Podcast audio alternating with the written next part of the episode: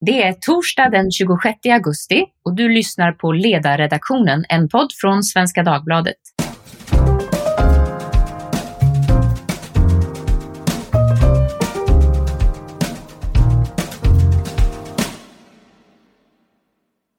Jag heter Maria Ludvigsson och idag poddar vi om stök och bråk på biblioteken och om vad man i Stockholm har tänkt ska avhjälpa det hela.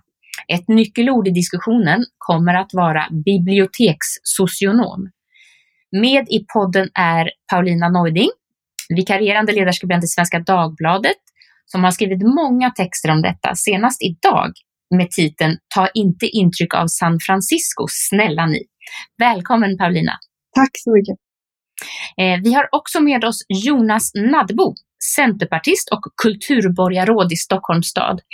Du har bland annat ansvar för stadsbiblioteken. Du är mycket välkommen även du. Tack så mycket. Och sist men inte minst, kanske huvudpersonen, stadsbibliotekarie Daniel Forsman. Du är välkommen och sitter tydligen i Stockholms stadsbibliotek för tillfället. Precis, i händelsernas centrum vid Odenplan. Ja, bokstavligen. Då är du där vi andra mentalt är just nu. Paulina, jag tänkte börja med dig. Du började skriva om det här redan 2015. Mm. Och då satte du igång en debatt som fortfarande är högaktuell, tyvärr får man väl säga. Kan du berätta hur det började och hur diskussionen har sett ut lite kort? Jo, jag fick ett tips om att det fanns problem på biblioteket i Hässelby villastad. Och när jag kollade upp det så visade det sig att det var gäng som kom in och störde på eftermiddagarna. Och det gick så långt så att man fick stänga på vissa tider där i Hässelby villastad. Och så mm. tänkte jag att det här kan inte vara första gången det här sker. Och så gjorde jag en Google-sökning helt enkelt och skrev in bibliotek stänger gäng. Och fick det, det var, det var som på film, att få liksom en lång lista av av träffar där, där likartade saker hade hänt över hela Sverige under ganska många års tid.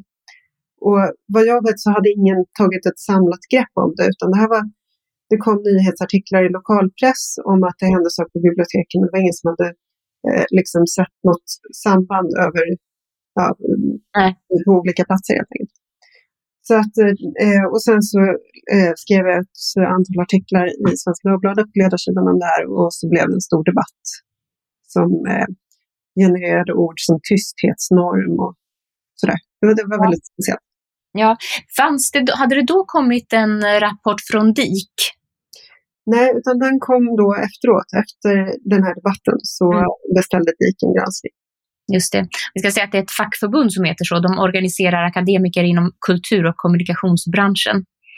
Eh, vad, vad var din huvudsakliga kritik, mer än det uppenbara att det naturligtvis är fel att man stör på bibliotek? Nej, men det var det, det jag försökte, eller det, var, det jag såg var att i stadsdelar och på platser där man har sociala problem i övrigt så tenderar det att avspegla sig på biblioteken det här med gängen är en sak och det var någonting som man såg när problemen blev så stora så att man var tvungen att stänga lokalerna. Så är det, eh, har det i regel varit just gäng. Jag har inte sett, eh, vad jag kan minnas, något annat. Men i innerstadsbibliotek till exempel så handlar det om problemkomplexet kring missbruk och utslagning, att det kommer in missbrukare och folk som ja, hemlösa och så vidare. Så det varierar mellan olika bibliotek, men det som är genomgående är att det här är en plats som missbrukas. Man kommer inte in det, jag tror att det är svårt för människor att förstå liksom varför just biblioteken. Jo, det är för att det är öppna platser där man kan komma in, man kan liksom vräka ner sig i sofforna på barnavdelningen. Man kan ta plats, man kan visa att man, om man är ett ungdomsgäng så kan man komma in och visa att man dominerar och bestämmer. Och om man är hemlös så kan man komma in och använda toaletterna som duschar till exempel. Så att det, det finns ett helt spann av problem Eh, och, och det här utspelar sig. Och när det utspelar sig på biblioteken så, så innebär det att eh, liksom, den unga duktiga tjejen som inte kan plugga hemma, hon har ingenstans att vara på längre. Mm. Eller jag talade med en pensionär, en kvinna, som för henne betyder det liksom, biblioteket är en viktig plats i hennes liv. Och hon sa till mig att när de här gängen kommer in, då slår jag bara igen boken och går därifrån. Mm. Så det finns en konflikt och spänning där. Just det, men det är intressant också att det är problem som finns mer eller mindre överallt på olika bibliotek. Men problemens art ser lite olika ut beroende på om det är vilken del av staden och vilken del av landet som det är. Ja, jag skulle inte säga att det finns överallt, men det, det finns väldigt många platser och det liksom varierar beroende på de problem man har på den platsen. Just det. Och då kan man förstå att då kommer det behövas lite olika åtgärder på de olika platserna beroende på vem det är som stör. Idag så skriver du en text om detta Mm där du varnar för San Francisco, en metod som man har där. Vill du beskriva vad de gör i San Francisco, vad det är du, du varnar för? Det jag varnar för är egentligen det som man gör i Stockholm, nämligen man har tagit in en bibliotekssocionom och så säger man att det här är en, eh, det här är en metod som används framgångsrikt i San Francisco. Men grejen med San Francisco är att ja, man har visserligen tagit in bibliotekssocionomer, men det är en stad som, som få andra har bestämt sig för att social utslagning ska liksom få prägla det offentliga rummet. Om man besöker San Francisco idag så är det fullständigt präglat av hemlöshet och missbruk och utslagning och så vidare. Man har bestämt att det här ska, liksom, det här ska fram i offentligheten. Varför har man gjort det? För att det ska, någon ska göra någonting åt det, att man vill visa det? Jag vet inte, jag tror det kanske kommer fram i den här debatten, men jag, jag tror att det är en ideologisk syn på Mm. Hur man ska hantera det här. Och, Det finns en tanke bakom. Precis, och när man läser då, eh, rapporter från USA hur det har sett ut med de här bibliotekssocionomerna, ja men då, då gör man om biblioteket till ett socialkontor. Mm. Eh, och där kan man tas emot av eh, socionomer och jag läste, jag tror att det var från New Jersey, jag kan inte svära på det, att där på biblioteket så kan man hantera överdoser. Eh, och, och det är väl jättebra om man kan hantera överdoser, men man förändrar också biblioteket från att vara en plats för bildning och förkovran och läsning till att vara ett eh, socialkontor. Just det. Det är ju också en rimlig utgångspunkt. Man kanske också måste bestämma sig för huruvida man anser det vara ett problem att bibliotekets uppdrag förändras. Ska det vara ett ställe där man kan ta hand om missbrukare eller inte? Så vi går vidare därifrån. Daniel, du är alltså stadsbibliotekarie. Vi ska komma in på bibliotekssocionomen också, men först vore det intressant att höra din syn på det här som Paulina beskriver och som har beskrivits i debatten, att det är stök och bråk och stora problem på bibliotek som egentligen borde vara lugna platser. Nej, men det är klart att för varje enskild besökare som upplever att biblioteket är en otrygg plats så är det ett misslyckande för biblioteken och egentligen för hela vårt demokratiska samhälle. Biblioteken är ju tänkt att vara en plats för alla, dit alla är välkomna och där det finns ett kontrakt om att man ska kunna finnas tillsammans. Så att varje gång någon upplever att det inte är en trygg plats så, så är det eh, ett misslyckande. Mm. Du ser också själva biblioteket som ett, en plats för, för böcker och människor eh, och att det är det som ska vara huvudsak. Inte att, för det finns ju de som menar då, som Paulina påpekar, att biblioteken kanske ska ha ett annat uppdrag som är, vad ska vi säga, bredare än så, men det tycker inte du. Nej, men jag tycker att bibliotekslagen ramar in bibliotekets verksamhet väldigt väl. Vi ska bidra till det demokratiska samhällets utveckling och fri kunskapsbildning. Eh, och vi ska verka för läsfrämjande och litteraturens ställning. Och det demokratiska uppdraget det samspelar med det läsfrämjande eh, uppdraget här. Eh, så att jag tycker att uppdraget som sådant är, är väldigt bra eh, som det är konstruerat. Sedan skulle, det jag skulle säga det var väl att ja, det är väldigt många som besöker eh, våra bibliotek. Eh, Stadsbiblioteket vid Odenplan eh, i ett normalår eh, har ju mer än en miljon besökare och den absoluta majoriteten av de här besökarna eh, upplever att det är en trygg och fin och inspirerande och fantastisk plats att vara på. Men ibland så eh, sker det ordningsstörningar och det sker saker på biblioteken som eh, inte bör hända där helt enkelt. Och det, det, det låter på dig som att det är sånt som händer då och då, men det- Paulina beskriver och som de här dikrapporterna beskriver, det är att det har blivit en otrygg plats där det minst intressanta är böckerna och det som stör mest är ordningen. det här är jättebra rapporter och det är jättebra att vi diskuterar hur man upplever tryggheten på bibliotek. Och det ska ju också då ställas gentemot det antal incidentrapporter och den typen av insatser som eh, vi sätter in eh, för att öka tryggheten. Både för eh, personal men också för våra, våra besökare. Och, eh, det är färre än 100 ordningsstörningar som anmäls på, på Stadsbiblioteket vid Odenplan. Är det okej med färre än 100 eller har, du, är det inte, har ni en nollvision som man brukar säga i trafiken? Jag önskar att alla som besöker våra bibliotek upplevde dem som trygga och jag vill att det ska vara så.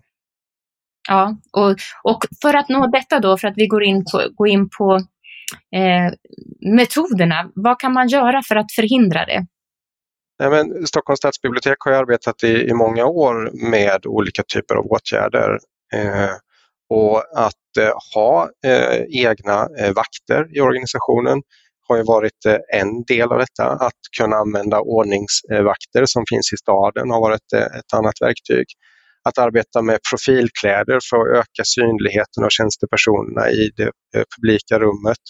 Att jobba med bemötandeprogram eh, hur vi hanterar potentiellt hotfulla personer eller eh, situationer som kan eskalera.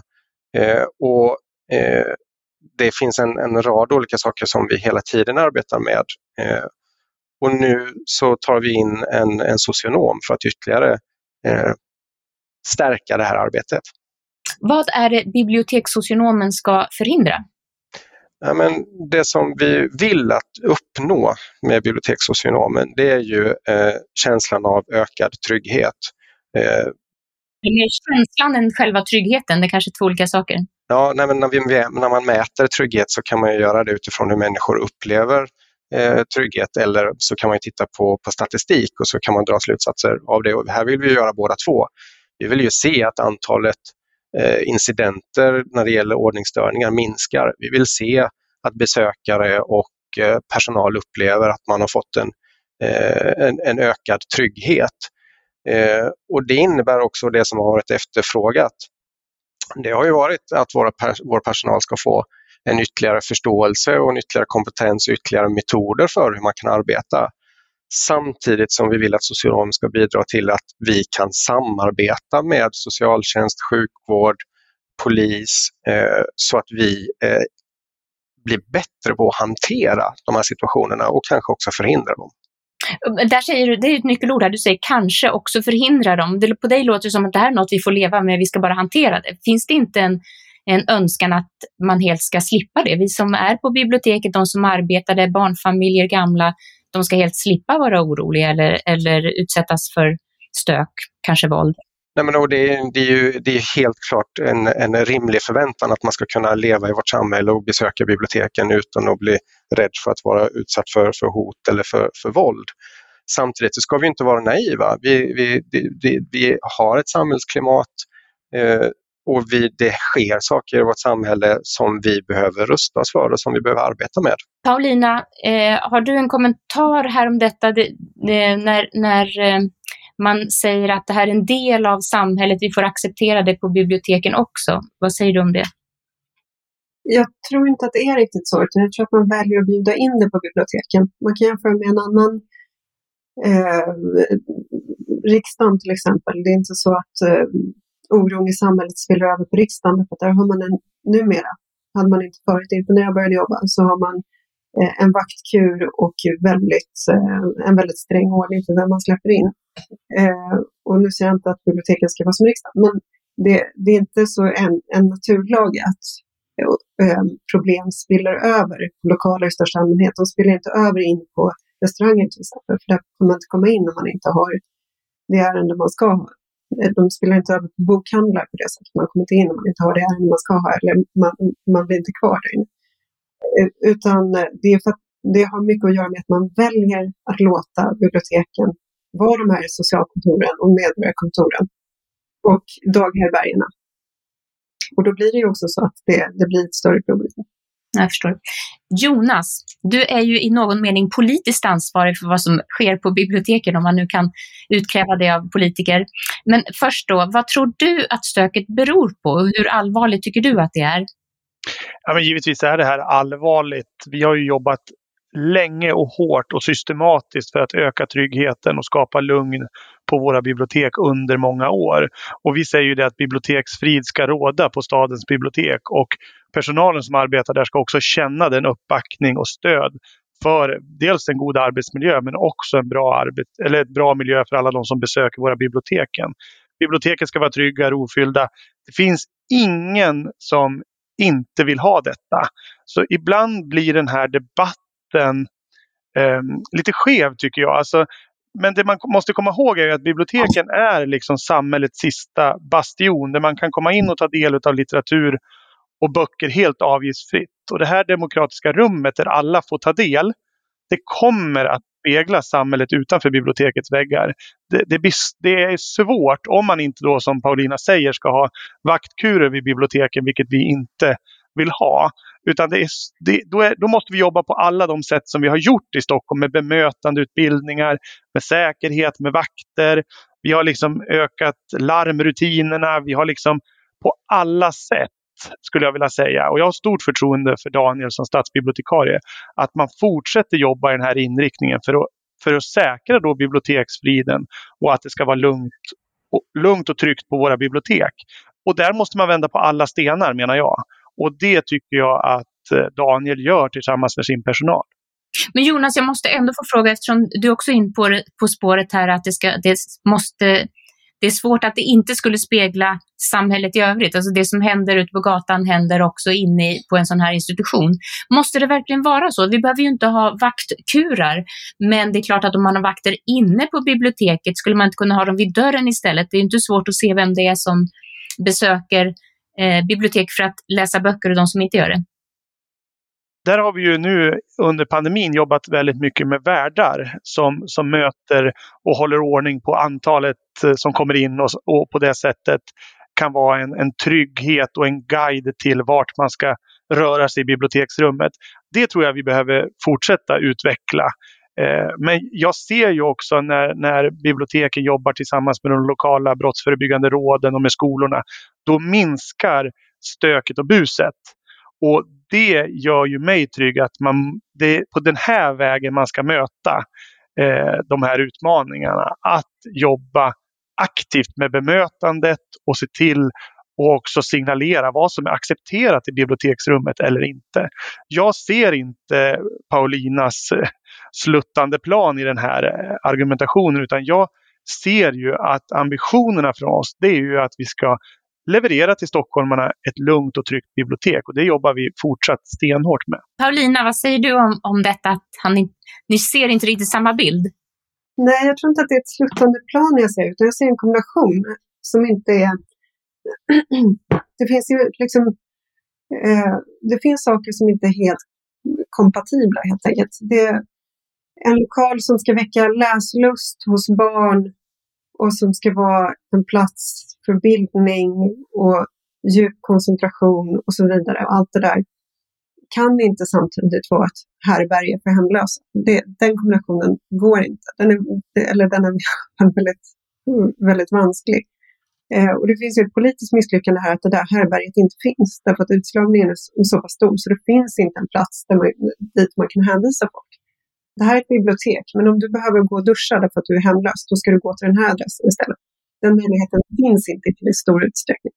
Så då gör man biblioteket till en slags kombination av bibliotek och härbärge. Och det, det är en dålig affärsidé. Och Paulina, om du lyssnade på vad Daniel sa så handlar det om att skapa kontakter och hänvisa personer till rätt ställe och jobba och ge personalen eh, liksom verktyg för att kunna ta tag i de här frågorna.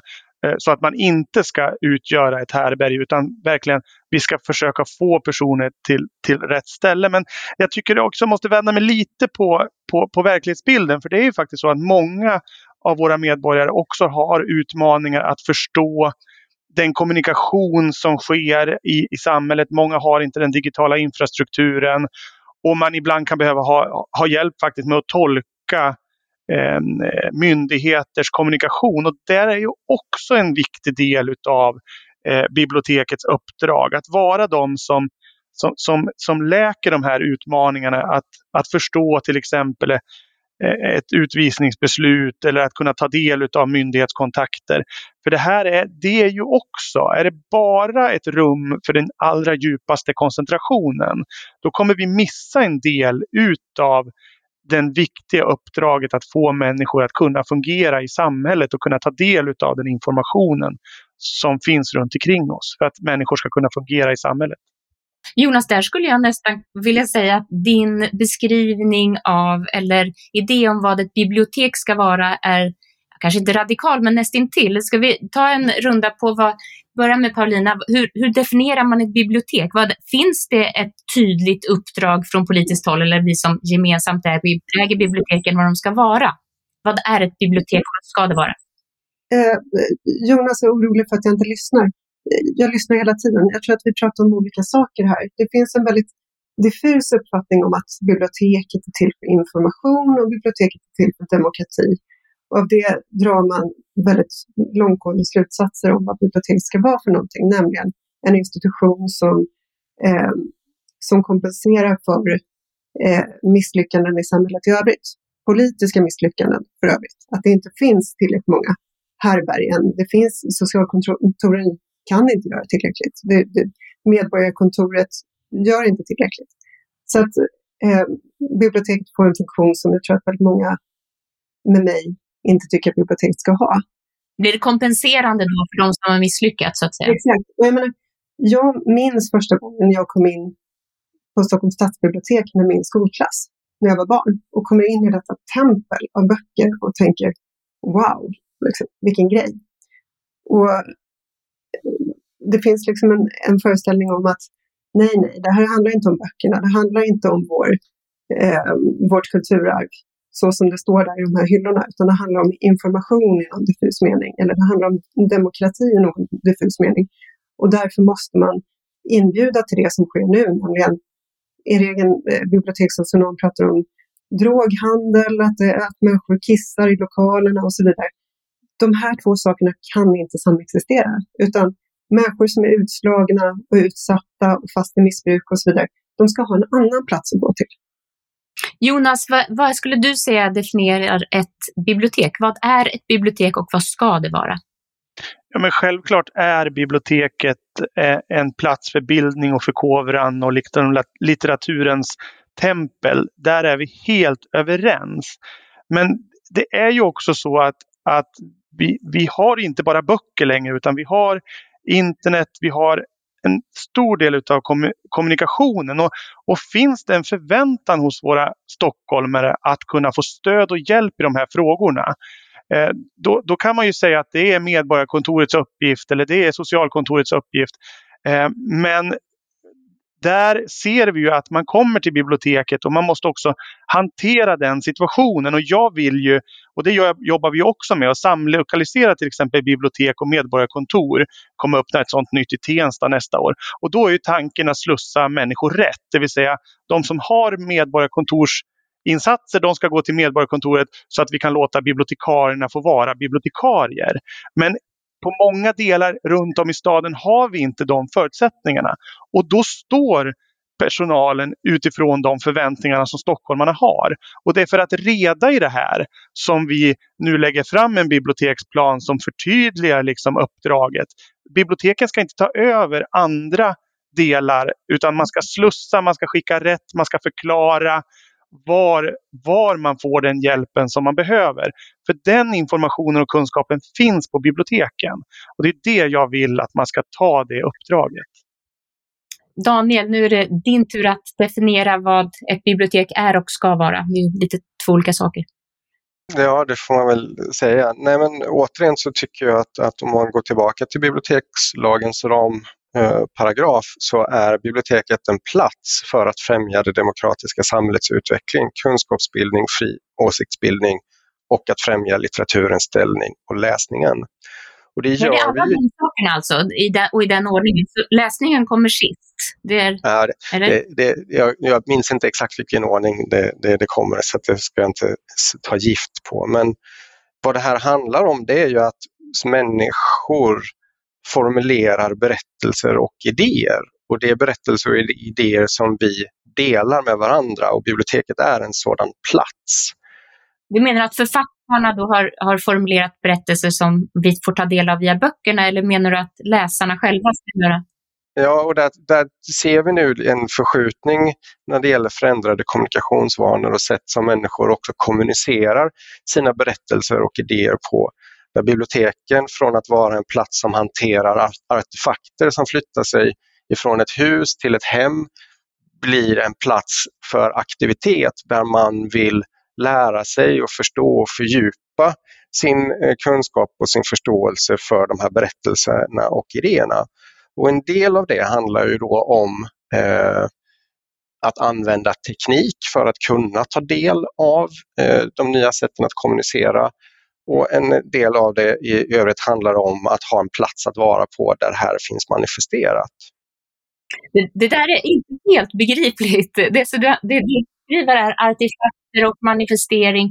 Det jag undrar, litteraturen kommer eh, in i ditt Eh, din beskrivning ganska sent. Och där tycker jag att du beskriver litteratur som en nytta, inte som att det har ett värde i sig. Alltså litteraturen ska ge eh, demokrati, det ska lära människor att hitta till rätt medborgarkontor och så vidare.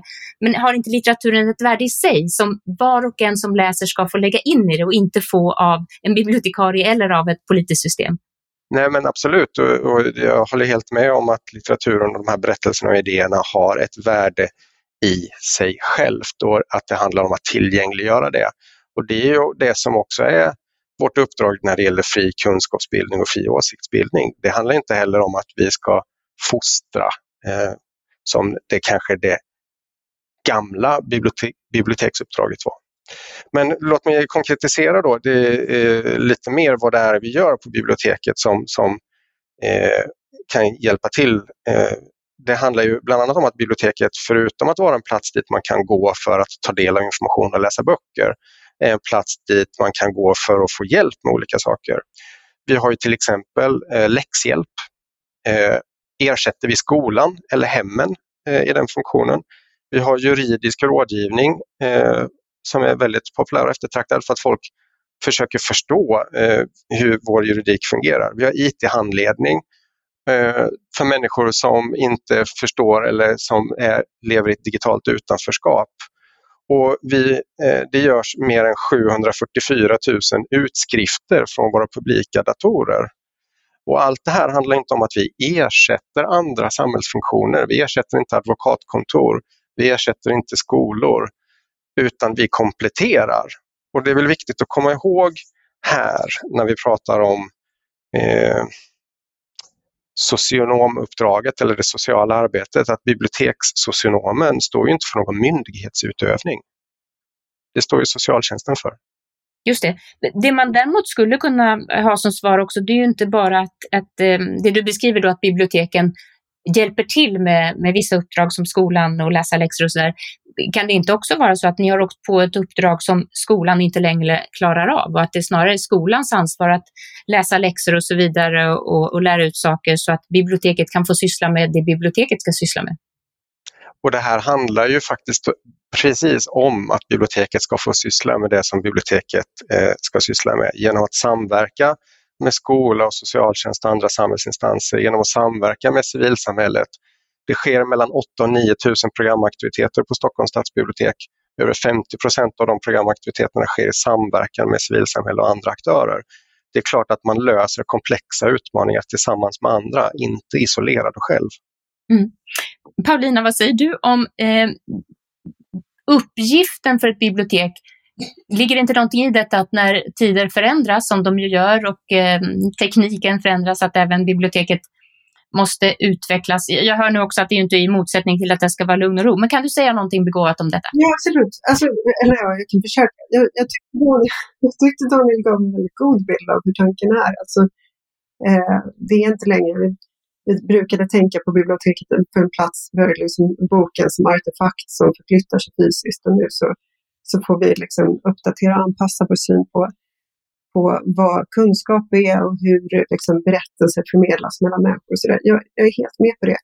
Och så tänker jag ändå på det här templet från 1928 när Sverige hade betydande fattigdom och utanförskap. Ändå så valde man att bygga ett tempel för boken där människor kan gå in och sätta sig i tystnad och liksom eh, se hur världen öppnas, se liksom, ja, ställas inför hela världslitteraturen. Det, det, är fantastiskt. Det är en fantastisk plats.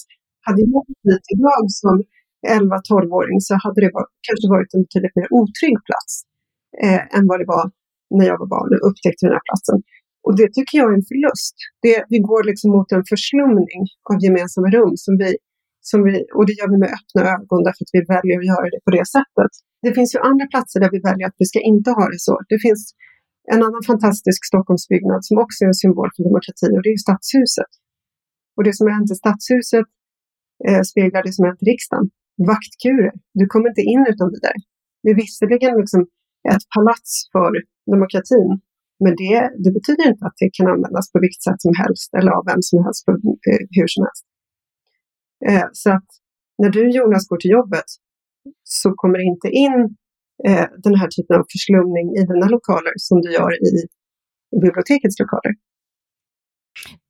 För att eh, börja avrunda, vi ska få, alla ska få komma till tals, men jag tänkte mycket oproffsigt slänga in frågan också om bildningsrörelsen som den var tidigt eh, 1900-tal och hela den rörelsen som syftade till att man skulle bygga sig själv och då också få tillgång till litteratur och allt detta.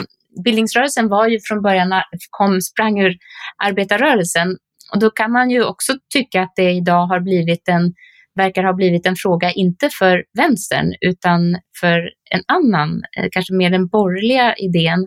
Är det någonting som ni känner igen? Jag frågar dig Jonas. Jag har ju länge varit engagerad i folkbildningssfären och vet absolut hur viktigt det är för människor att komma till bildning och utveckling och att växa. Och där ser vi ju ett allt ökande behov av just bildning. Där människor behöver dels kunna eh, ha livslångt lärande och bildning men också människor som, som halkat efter i den digitala utvecklingen eller man har kommit sent i livet i Sverige. Det annat än bildning. Förlåt, är inte det en annan sak än bildning? Alltså just det med, med själva tekniken, det, det, behöver vi lära oss och det kan vara svårt att få, tillgäng, till, få tillgängliggöra. Men bildning är ju någonting som syftar till att du ska växa inuti, alltså du ska utvecklas som människa och inte bara bli en bättre fungerande medborgare. Nej, och det är det jag menar att det är det det handlar om när man jobbar med folkbildning. Det är att människor ska stärka sig själva i sig själva och, och nå till bildning. Eh, och jag håller med om att man ska inte ha en instrumentell syn, att det är samhället som ser detta som ett uppdrag. Utan det är varje enskild individ som behöver göra den här resan. Och den ser ut på många olika sätt. Där spelar biblioteken en viktig roll, men civilsamhället är otroligt viktigt för att lyfta människor och ge människor ytterligare chanser att komma eh, kunna förverkliga sig själv helt enkelt.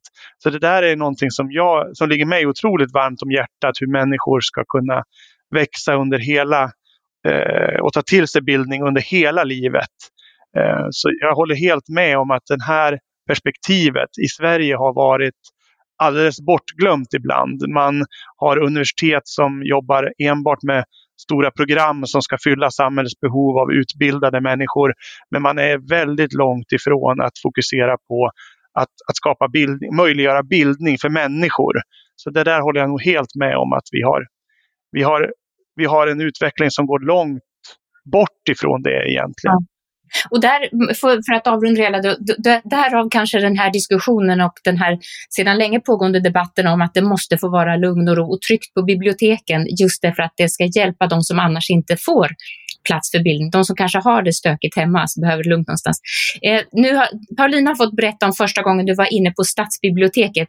Jag skulle vilja som avslutning få höra både Jonas och Daniel berätta om första gången som ni upplevde ett bibliotek, att komma in i ett bibliotek och hur det hur det kändes eller vad ni tänkte? Ja, men det var väl första gången jag blev eh, bussad till det stora biblioteket i Skinnskatteberg. Vi har bara ett bibliotek.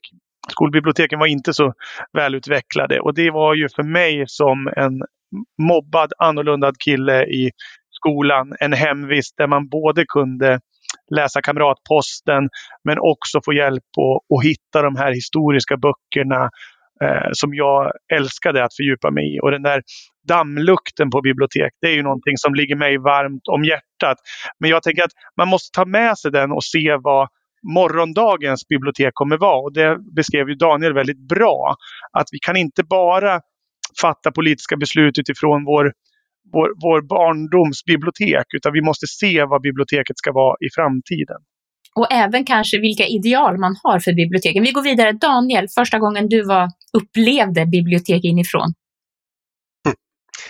Ja, vad härligt. För som bibliotekarie så är det här en av de sakerna som man eh, kanske har svårast för är ju, är ju just att lyssna på de nostalgiska berättelserna från människor om eh, bibliotek och har du svårt för dem? Nej, men ofta, inom professionen så tycker vi oftast att de, de, de blir just också väldigt nostalgiska och kanske också lite ibland eh, falska eh, minnen av eh, biblioteken som ju då har ett ganska omfattande och komplext uppdrag.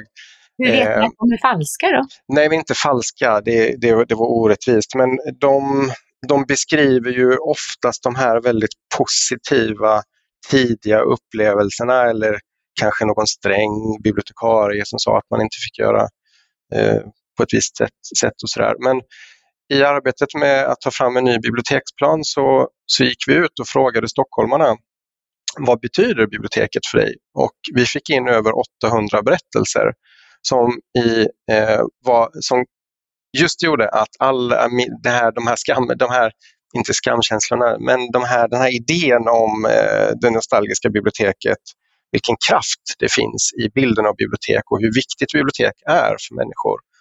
För mig själv så är det ju så, om jag ska berätta om första gången, gången som biblioteket betyder något för mig, så är det ju när jag som ung kommer in på ett bibliotek och möts av alla de här böckerna, men också serier och lite spel och en helt ny värld öppnar sig som, som förändrade mitt liv. Mm. Och det är så man vill att det ska vara. Ja, det, precis. Böcker förändrar liv. Eh, tack så hemskt mycket för att ni var med alla tre och tog er så lång tid. Nu har vi pratat länge. Jag ska bespara er från mitt första intryck av ett bibliotek, men det var något snarlikt ni alla andra. Så, så särskilt udda är jag inte. Men det, tack för att ni var med och jag ska också säga tack till Jesper Sandström som är producent för våra poddar. Till er som lyssnar som har idéer om vad vi borde ta upp och synpunkter på det vi har tagit upp, hör av er till ledarsidan svd.se. Tack för att ni var med. Hej då!